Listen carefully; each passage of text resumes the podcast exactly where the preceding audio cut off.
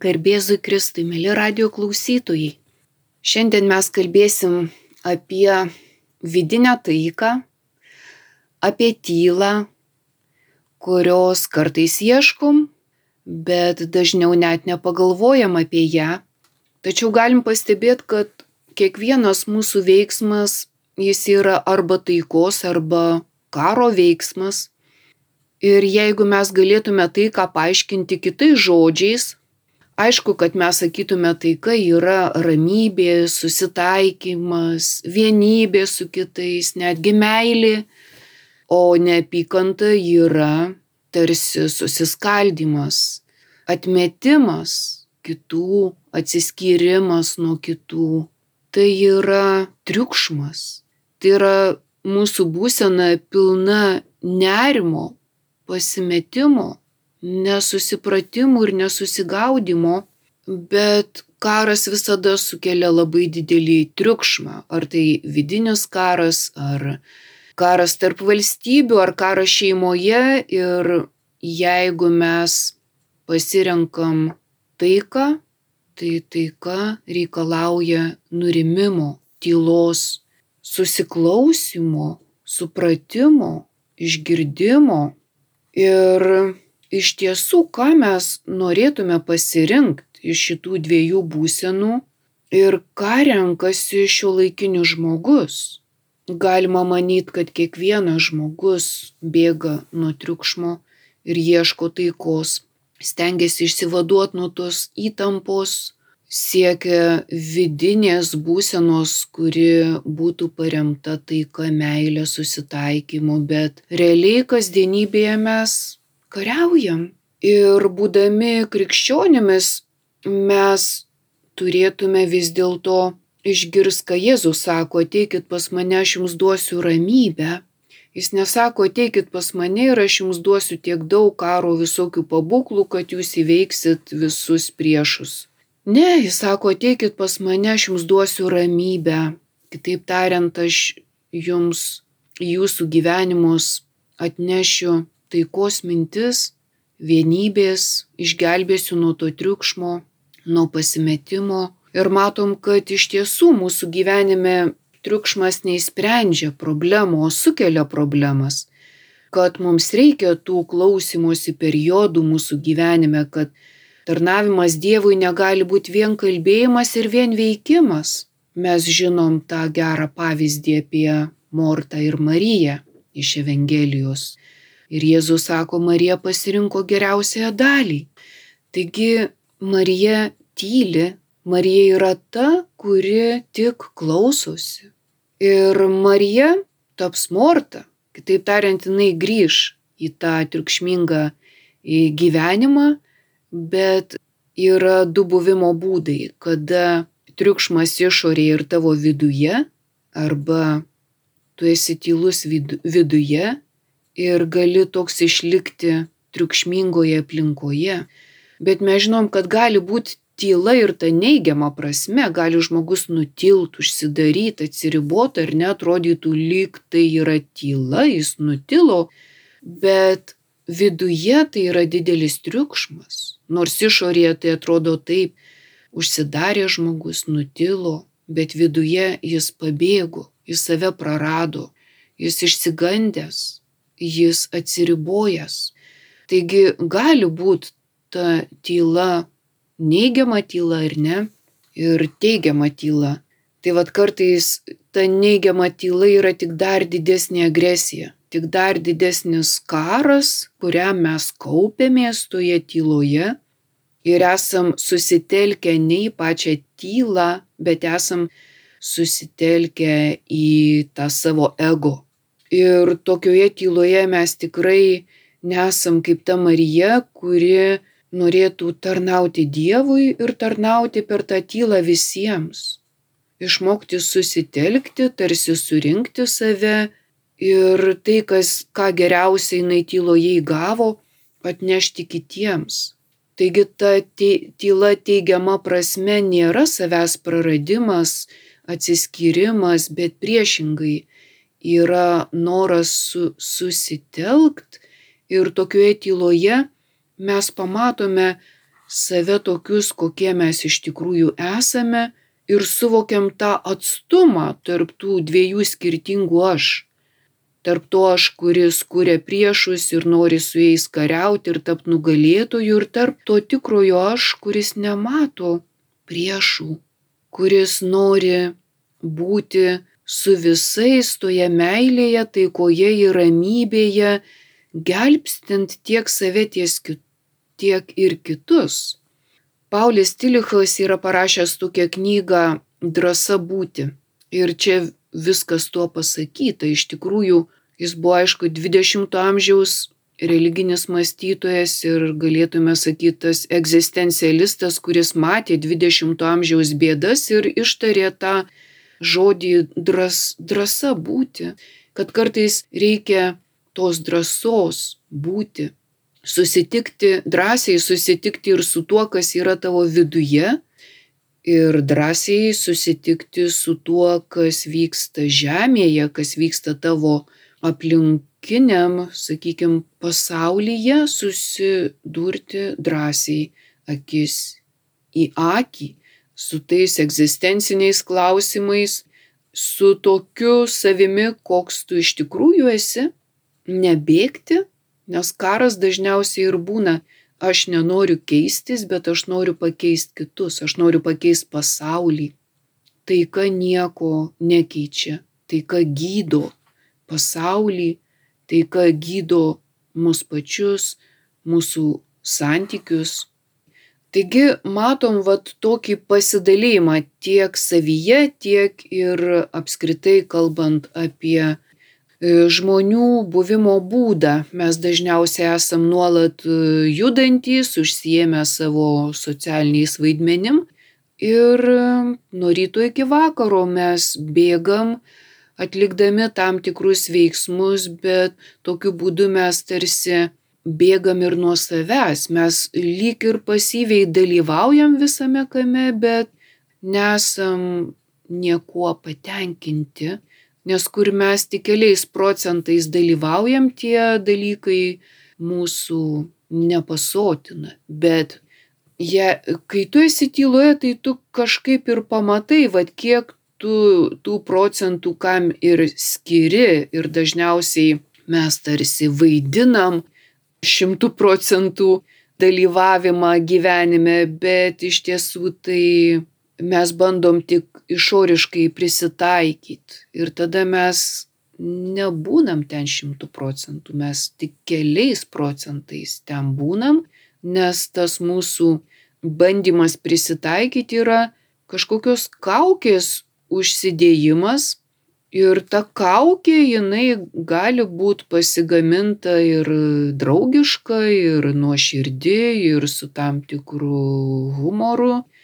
Bet dažniausiai mes tik tokiu būdu atliekam vaidmenį, kad būtume priimti visuomenės, kad visuomenė nuo mūsų neatsiskirtų ir kadangi visuomenė irgi panašių būdų apsimetinėja, tai vad lyg ir esam visi gyvenantys panašių būdų, kaip Heideggeris įvardino, kad tai yra toks dazman gyvenimo būdas, kai pasislepiam už to pilko vaidmens, tokie tampam pilki, prisitaikę, per daug nesam iššaukiantys, kažką išmokstam kažkaip atrodyti, imituoti, lyg ir šypsomės, bet tuo pačiu esam agresyvūs. Tada, kai tu esi tyloje, tu kažkaip kitaip matai tą žmonių agresiją, galbūt žmogus ir širkštus kažkaip. Tai būna, kad nu, tu visiškai negali savęs ištirpdint toje kaukėje ir, ir pasirodo kiti dalykai per tą lyg ir malonę kaukę, ta vidinė agresija, bet ir tai neturėtų išgazdinti, nes ir už tos vidinės agresijos dar nėra to tikro žmogaus, kitaip tariant, tas tikras žmogus ieško pagalbos ir jis pradeda nežinia su kuo ten kariaut, Taigi, kai esi tyloje, esi ne, ne tik tas puikus specialistas, kuris mato kaukės ir kuris gali pažvelgti už, už vidinę žmonių agresijos, bet esmė yra atpažinti ir savo tą fasadą, kurį susikūri ir pamatyti, kasgi yra už to tavo fasado, kurį stengiasi parodyti kitiems. Taigi savastis dažnai yra labai tyli. Taip kaip Dievas kalba tyloje, taip ir mūsų savastis dažniausiai kalba tyliu balsu ir jinai ten pasislėpus už tų kaukių ir fasadų laukia tarsi galimybės atsivert pirmiausia mums patiems. Taigi tas mūsų tylusis aš kartais mus trikdo dėl to, kad jis atrodo yra per tylus. Jis yra toks tylus, kad tu jo negali jokiais žodžiais ištart. Nes kai pradedam tart žodžius, tai mes vėl persikeliam į tą išorę, bandom kažką suformuluoti atitinkamu būdu, į kažką orientuojantis ir tada vėl mes jį tarsi sunaikinam tą tikrą savo savastį. Taigi tyla nėra tik tai būdas, kur mes galėtume tapti dar labiau agresyvesniais ir dar labiau atkreipdėmėsi į save, bet tyla yra būdas sugrįžti į save, o visa ta agresija, tas žodžių, žodžių toks antpuolis, kuriais mes lyg ir ginam save, tai yra tik tai dar vienas toks populiarus būdas išreikšti savo ego, bet neišsivaduoti iš jo. Kitaip tariant, tai yra būdas dar labiau atskies save, bet tai nėra savęs išraiška. Tai yra tik būdas dar geriau kažkaip pasislėpti, jeigu kažkas bandė mus atkoduoti. Net jeigu patys tą pajutom, kad vat patys norim išsivaduoti iš to triukšmo, mes jo išsigastam, dėl ko prisikėlimo Laurinas ir sako, kad tylos momentuose jis bando pabėgti nuo savęs pabėgt nuo savęs būtent nuo tokio, kuris jau įgudęs atlikti tą įprastą veiklą, vėl sukurti tam tikrą tokį saugų fasadą, kur, kuriuo mes bandomės nuo kažko apsisaugoti, net nuo savęs paties. Tai va, kartais mes tą ramybę suprantam kaip tokį abejingumą viskam ir tokį plūduriavimą tokiam triukšme, kuris tarsi manęs neliečia bet vis tiek renkamės tą triukšmą, bandom mąstyti ir toliau tokiu reklaminiu būdu, kuris reiškia kažkaip save įterpti į tą reklamuojamą tikrovę, tampam tos tikrovės e, vartotojais, nes nemokam kito būdo. Mes galim gyventi tik tai triukšmingai, tik pagal reklamas. Ir tada žmonės nu, kažkaip prisitaikydami prie tokios triukšmingos egzistencijos, jie ieško, aišku, ir narkotikų, ir žaidimų, ir priklausomybių, tam tikro būdo, kurį siūlo kaip ir ta išorinė egzistencija, kai, kaip pabėgti nuo jos, kai, kai tu gali vartot kažką dar stipriau negu iki šiol vartojai. Ir matai, kad e, iš tiesų mes net ir nenorim pabėgti iš tų egzistencinių problemų, bet mes norim kažkaip suras būdus, kad e, kažkokius stipresnius būdus, kad mes pakeltume tas problemas, kurias nuolat patys kuriam. Ir tos problemos lyg yra daugiau už mus. Mes kaip ir pamirštam save pačius, bet e, labai akcentuojam tas e, problemas, bet kasgi sukuria tas problemas. Ir kad vieną triukšmą pripildydami kitų triukšmų mes triukšmo nepanaikinsim. Bet gali matyti, kad tyla mus erzina, mes jos nenorim, jinai mums per sunki. Vis tik mes norim pasiliktoje išorėje toliau ten klaidžiot, bet klaidžiot taip, kad neištiktų kažkokios dar gilesnės bėdos. Bet kur mes e, triukšmaudami bėgam, koks yra ten tikslas, nes iš tiesų mes bijom likti vieni, bijom tylos, nes tarsi mes bijom pamatyti tą neviltį ir bijom tarsi surastos tikrus dalykus, mes tikim netikrais, mes tikim alkoholiu, tikim narkotikais, tikim žiniasklaida, tikim bet kuo, bet tik ne, ne Dievu, kuris pats yra tyla. Mes tikim bet kokiu dar vienu siūlomu triukšmu, bet tik netyla. Mes ieškom išsigelbėjimo tuose triukšmuose siūlomuose reklamų, bet tik neieškom tikros vilties tyloje, kur susidursim su Dievu. Todėl mes bėgam, nesustojam, dar labiau bėgam, pilni nevilties, bet mes nenorim būti tokiais grinais, šimtų procentų tikrais aš be visų šitų priedų. Mes bijom paliktos priedus, nes atrodo, jeigu tie priedai manyje žlugs, mirs, dings arba aš atsiribosiu nuo visų tų priedų, taigi ištiks mirtis. Bet Jėzus drąsina sakydamas, nebijok mirt, gyvensi. Taigi mes nenorim, kad mumise Dievas būtų tas tikras Dievas, mes, mes norim tų pakaitalų, mes norim tų išorinių kaukių, mes norim to melo, mes norim tų stabų garbinimo ir mes žinom, kad va tai išrinktoji tauta nuo pat pradžios labai vargo su tais stabais kad vis Dievas juos bausdavo ir gražindavo tarsi pats į save ir ne į tą tikrą santykį. Ir tas vyksta nuolat, tas vyksta ir mūsų gyvenime, kada mes renkamės tas išorinės kaukės, tuos stabus, kurie yra Dievo pakaitalai, bet jie nesukuria rojaus. Ir Marksas siūlė tuos surogatus rojaus, ar ne, kaip mes galėtume patys tarsi pasotindami tą savo egoizmą susikurt rojų, bet mes iki dabar vargstam ir matom, kad tikras rojus nėra tai, ką mes galim susikurt.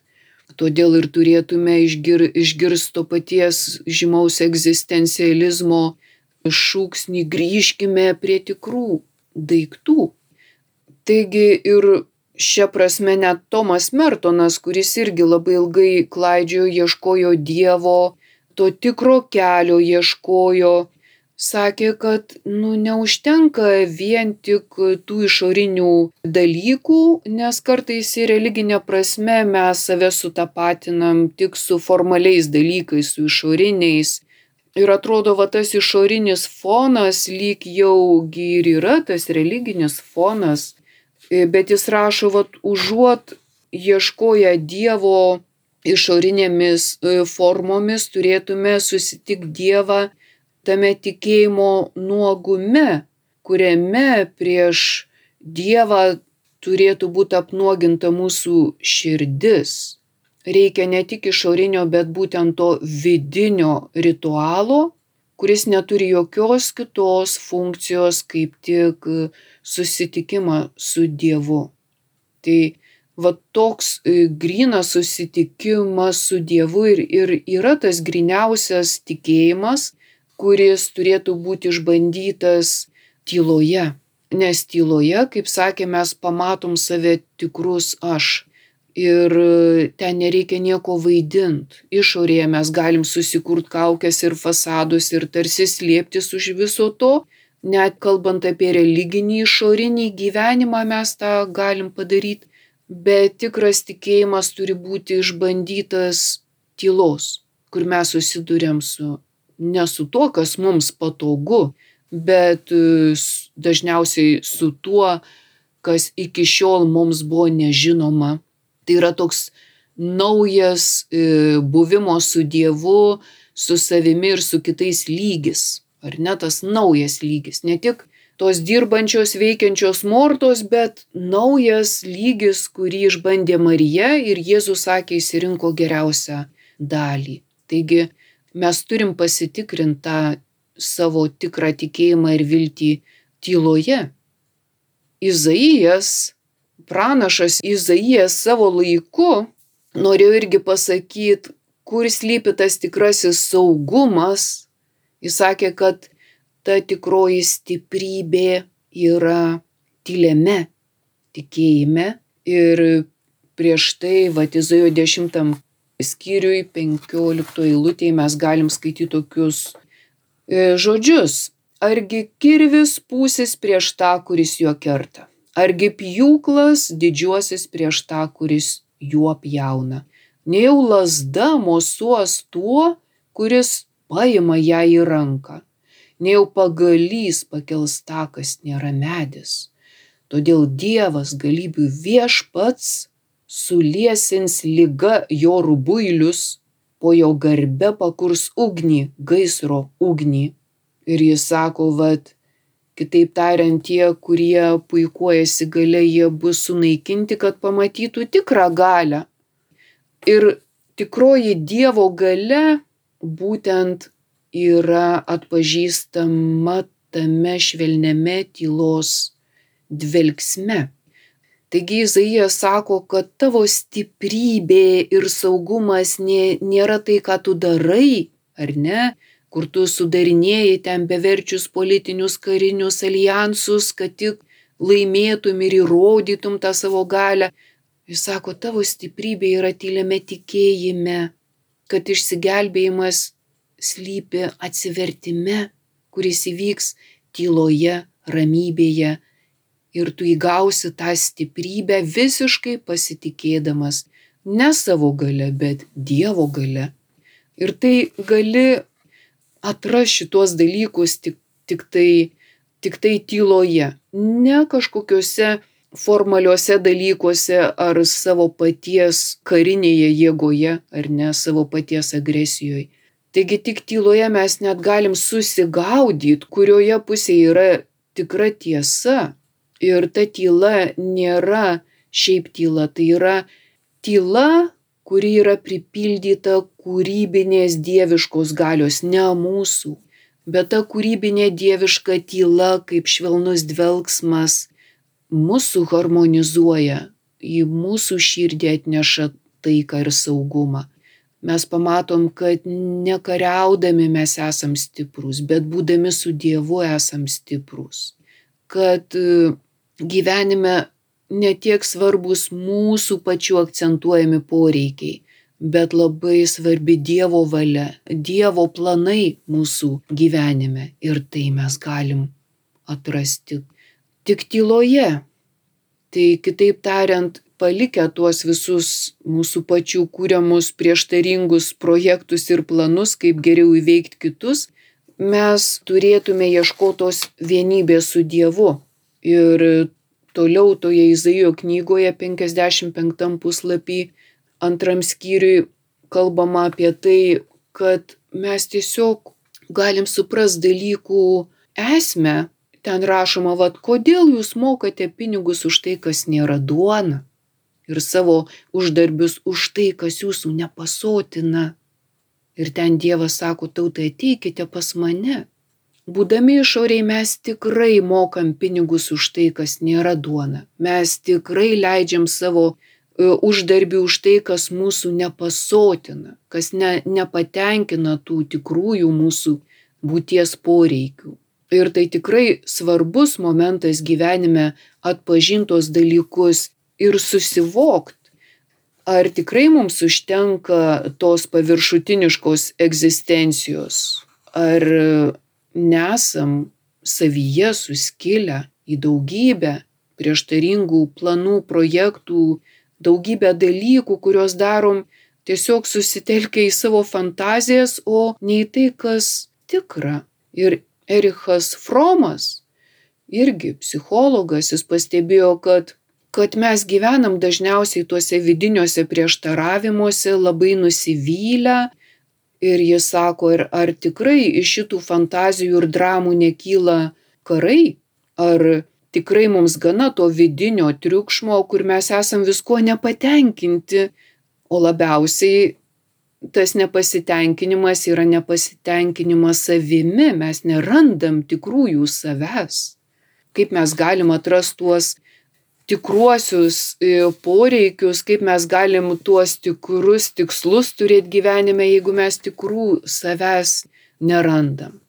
Taigi vienuolis moko mus, sakydamas, kad vieną dieną paseks savo minčių eigą. Nustepsi, kokie dažni ten ir kokie gyvi vidiniai ginčiai su įsivaizduojamais pašnekovais su tais, kurie yra šalia tavęs, tavo aplinkoje.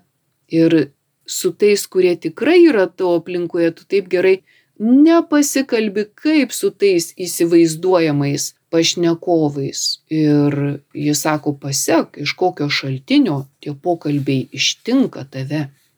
Ir dažniausiai, sako, jie atrodo būtent taip. Ak, koks tu esi nepatenkintas tais, kurie yra aukščiau tavęs, ar ne, tam tikrais vyresniaisiais vadovais, tu viduje esi įsitikinęs, ne, jis manęs negerbė, nemyli, nesupranta, jis toks griežtas, toks neteisingas, per daug reiklus man. Ir jis sako, mes lygiai taip pat esam nepatenkinti net ir savo broliais. Mes galvojam, kad ir patys artimiausi mūsų nesupranta, jie labai įžūlus, jie užsispyrę, jie kvailiai, jie užgaulus, jie egocentriški ir taip toliau. Ir vienuolis sako, kad būtent mūsų dvasioje įsikūrė tas tribunolas, kur mes patys ten esam prokurorai, teisėjai ir prisiekusieji, bet labai jau retai būnam advokatai. Nebent mes sprendžiam savo bylas. Ten išdėstom savo reikalus, pasveriam priežastis, teisinamės, nuteisiam kažką už akių, ar gal net ir sukūriam aišku keršto planą, norėdami įsivaduoti iš tų pinklių, kurias patys ir kuriam. Ir švaistom laiką, jis sako, ir jėgas dėl visokių niekų, kurių net iš tikrųjų ir nėra mūsų gyvenime. Mes ten viduje labai skubotai apie kitus sprendžiam, praradę tą vidinę ramybę, praradę pagarbą kitiems, bet labai jau stipriai tais pokalbiais mes stiprinam savo savimeilę. Ir tas vienuolis sako, mes darom rimtas klaidas šitaip elgdamiesi, pridarom žalos ir savo, ir kitiems. Ir visa tai atrodo labai spontaniškai mumyse tiesiog savaime vyksta. Ir jis sako tiesiog galvodami, kad kiti mums nuolat kenkia, kad mes esam ten nepripažinti, e, niekinami, negerbiami. Na, jis sako, iš tikro, jeigu tu esi Kristaus sėkėjas, tai tiesiog paukok savo tokią būseną, nes ir jis buvo nesuprastas, Jėzus buvo tiesiog apipiltas patyčiomis, tai jeigu tau atrodo, kad kiti tyčiojasi iš tavęs, tai priimk tai dėl Kristaus ir pamatysi, kaip tiesiog nurims tavo širdis ir netgi tu visą šitą blogį paversi, kaip Teresėlė sakydavo, gėlėmis, ar ne? Tas vienuolis sako, kad kiekvienas žmogus yra tam tikras įrankis ir gali būt tie įrankiai, kurie tave nori gludint, tašyt. Taigi netapk tuo kietasprandžiu, bet leiskis tašomas, bet nepasiduok pagundai kitus tašyt. Ar mintimis, ar savo elgesiu. Taigi visada ieškok tos dvasinės naudos, būdamas su Kristumi bet niekada nepritark tam egoistui, kada tu atsiskiri e, nuo Kristaus. Taigi jis sako, Jėzus Jeruzalės teisme tylėjo. Taigi, kai tavyje kils tokie visokie teismai ir audros, tu tiesiog melskis garbė Dievui tėvui, sūnui ir šventai dvasiai, pradėk garbint, būk su Dievu, neatsiskirk nuo Dievo ir tada sakykim, netgi ta žmonių nuomonė neatskirs tavęs nuo Dievo, tu netapsi tuo egoistu, bet galėsi išnaudota kiekvieną situaciją Dievo garbė ir savo paties naudai. Bet e, mes matom, kad tas vienuolis moko mus būti tyloje, būti savyje kaip namuose. Šventas Augustinas mokė neklaidžiok išorėje, būk viduje, tavyje gyvena tiesa. Tai mes dažnai darom klaidas, kada mes leidžiamės, savo leidžiam panirtame triukšme, kuris yra mūsų išorėje ir tą triukšmą parsinešam į savo jausmus ir mintis.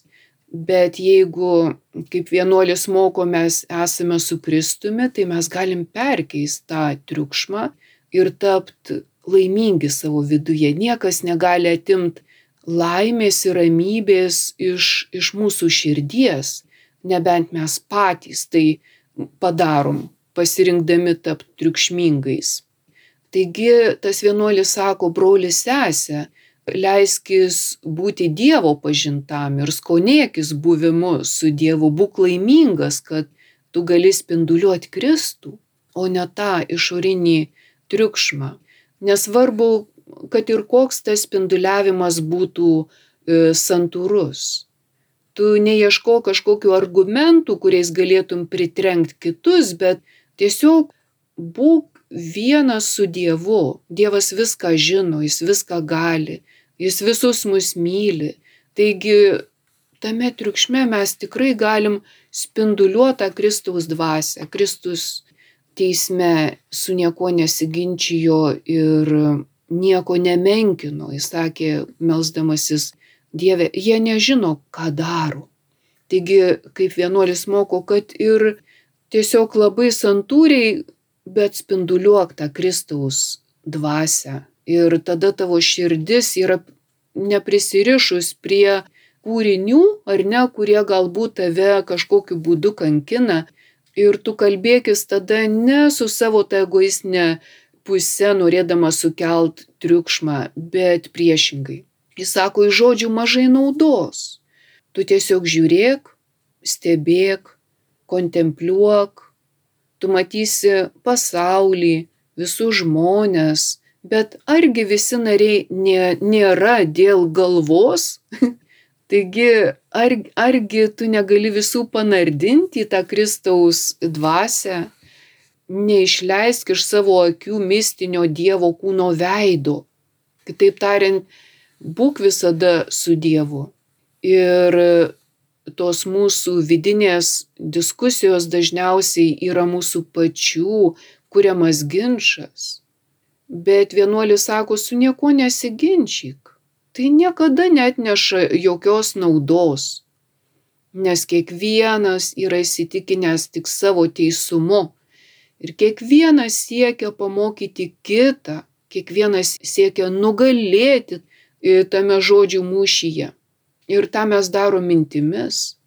Bet kai visa tai baigėsi, mes būnam nepatenkinti, kad ir įsikibę to savo nuomonės, bet visa tai, kas vyko mumyse arba išorėje, tai galas tylai, galas ramybei. Ir dažniausiai mes nenorim būti už tai atsakingi, nors patys sunaikinom tą tylą ir ramybę. Taigi geriau saugok ramybę negu tas pokalbio temas, kurios virsta nevaldomais ginčiais.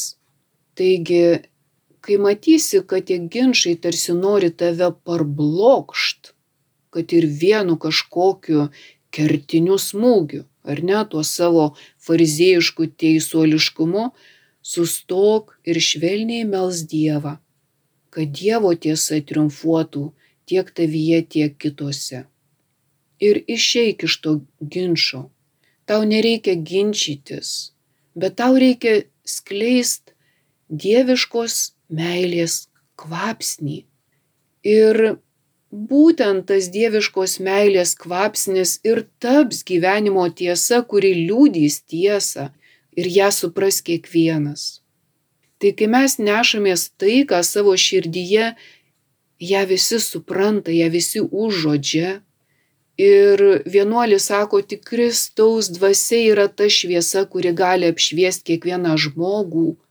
Ne mūsų tas teisuoliškumas, bet ta šviesa, kuri yra Kristaus dvasia. Taigi jis sako, išmok tiesiog matyti tas įkyrias mintis, tu jų nesunaikinsi visų, nesunaikinsi visam laikui tų įkyrių minčių ir tų įvaizdžių, kurie tavo galvoje kyla tiesiog netgi pastebėsi, kokios jos įkyrios, bet kokios jos nepastovios. Ir kaip dirbtinai jos kuria tą savo svarbą. Ir kaip jos reikalauja tos valdžios. Ir sako, dažniausiai tos įkyrios mintys atrodo taip. Jos bando tave įtikint, kad tu esi nemylimas, neapkenčiamas, kad tu persekiojamas, nesuprastas. Tu pradedi pavydėti kažkokio įsivaizduojamo noro būti pranašesniam, tu pradedi maištaut. Bet kas tai daro mumyse? Iš viso to kyla tarsi nerimas, tu pradedi nerimauti dėl savęs, dėl savo ateities, tu pradedi erzintis kitų žmonių veiksmais, netobulumais, lyg tu būtum, kitaip tariant, lyg tau būtų visi pavaldus ir tu turėtum atsakyti už visus. Taigi tai puola įkyrios mintys ir dažniausiai, kai vienuolis sako, puola tuos, kurie yra labai jautrų savo. Taigi, kuo mes labiau egoistiški, tuo labiau tos mintys puls. E, puls tuos, kurie turi tą autoritarišką, pasipūtėlišką, egoistinę dvasę. Taigi, tie, kurie net nebando įveikti savo egoizmo, jie bus nuolat puolami. O tai reiškia netvirtumą, o ištižimą. Mes ištyštam ir pasidarom tokiomis aukomis. Taigi tas kartūzų vienuolis įsiūlo tam tikrą terapiją. Ir jis sako, vad, dažniausiai tos mintys net neturi realaus pagrindo, tai kažkokios šmėklos, tai kažkokie stabai gimstantis mūsų vaizduotėje ir mes perdėtai jautriai pradedami tai reaguoti.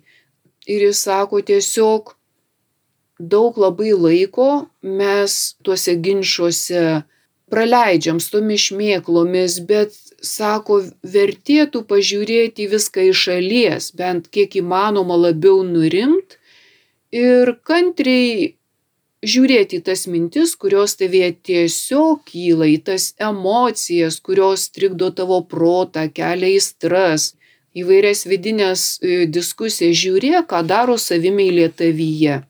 Ir e, kai tu tai pradedi matyti, tapk nuolankiu. Tiesiog ne savęs ne, nesujung šimtų procentų su, su tuo vidiniu triukšmu, bet tapk vis labiau nuolankiu, tyliu, lik kuklus, kaip jis sako, kuklus. Kuklumas geriausi vaistai nuo visų šitų klaidingų perdėtų idėjų, kurios kyla tavo prote ir tavo jausmuose. Taigi, sako, daugybė tokių įkyrių minčių neturi realaus pagrindo, bet jeigu ir turi, kartais būna taip, tikrai tas vidinis triukšmas kyla dėl to, kas iš tikrųjų realiai matai, kas nutinka, sakykime, santykiuose tarp tavęs ir, ir kito, gal tikrai tu, tu esi realiai nesuprastas ar kaltinamas, tai vad sako, prisiminktų šventųjų gyvenime tuos gerus pavyzdžius, nepraras savo ryšio su Dievu ir tiesiog apvaizda leidžia kad kažkas turi tas sielas genėt, graviruot, šlifuot, netgi kalt prie kryžiaus, ar ne? Tai vad kartais tikrai tie persekiojimai išoriniai, galbūt irgi yra tas nesusipratimas, bet tu jį patiri, tai yra tikrai kankinanti būsena ir mus kankina kitų trūkumai, kaltinimai, neteisybės, bet tas vienuolis sako, bet vis tik visa tai irgi gali nuskaistinti tavo širdį.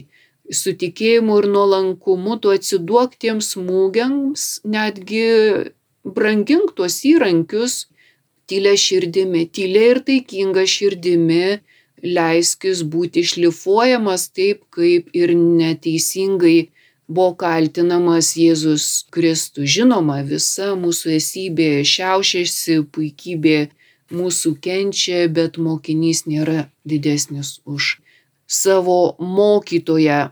Taigi mes matom, kad kryžius tikrai mūsų gyvenime bus, bet kryžius yra mūsų išganimas ir mes turėtume ir save atnašaut kaip aukas, būdami Kristaus dvasios, nemaištingos, ne, nepilni neapykantos, bet to dvasios beturčio dvasios. Ir vad, kai Jėzus sako, jei kas nori eiti paskui mane, tai išsižada pats savęs, te pasiima savo kryžių ir teseka manimi ir kito kelio nėra. Todėl tikrai verta mokytis tylos kelio, kuri tikrai veda į išmintį ir supratimą tiek savęs paties, tiek ir kitų. Tai pasitelkim tą vienuolio mokymą, kad nepraraskim tų vidinių namų, būkim juose, ten yra saugu ir gera, ten mes galim būti e, su Dievu ir leis, kad ta Dievo taika, Dievo ramybė, džiaugsmas, palaiminimai ir laimė ateitų kitiems per mus. O tai, ką mes dovanojam kitiems, tikrai grįžta ir mums patiems. Ačiū, kad buvote kartu su Dievu. Kalbėjo daktarė Bronė Gudaitytė. Likite su Marijos radiju.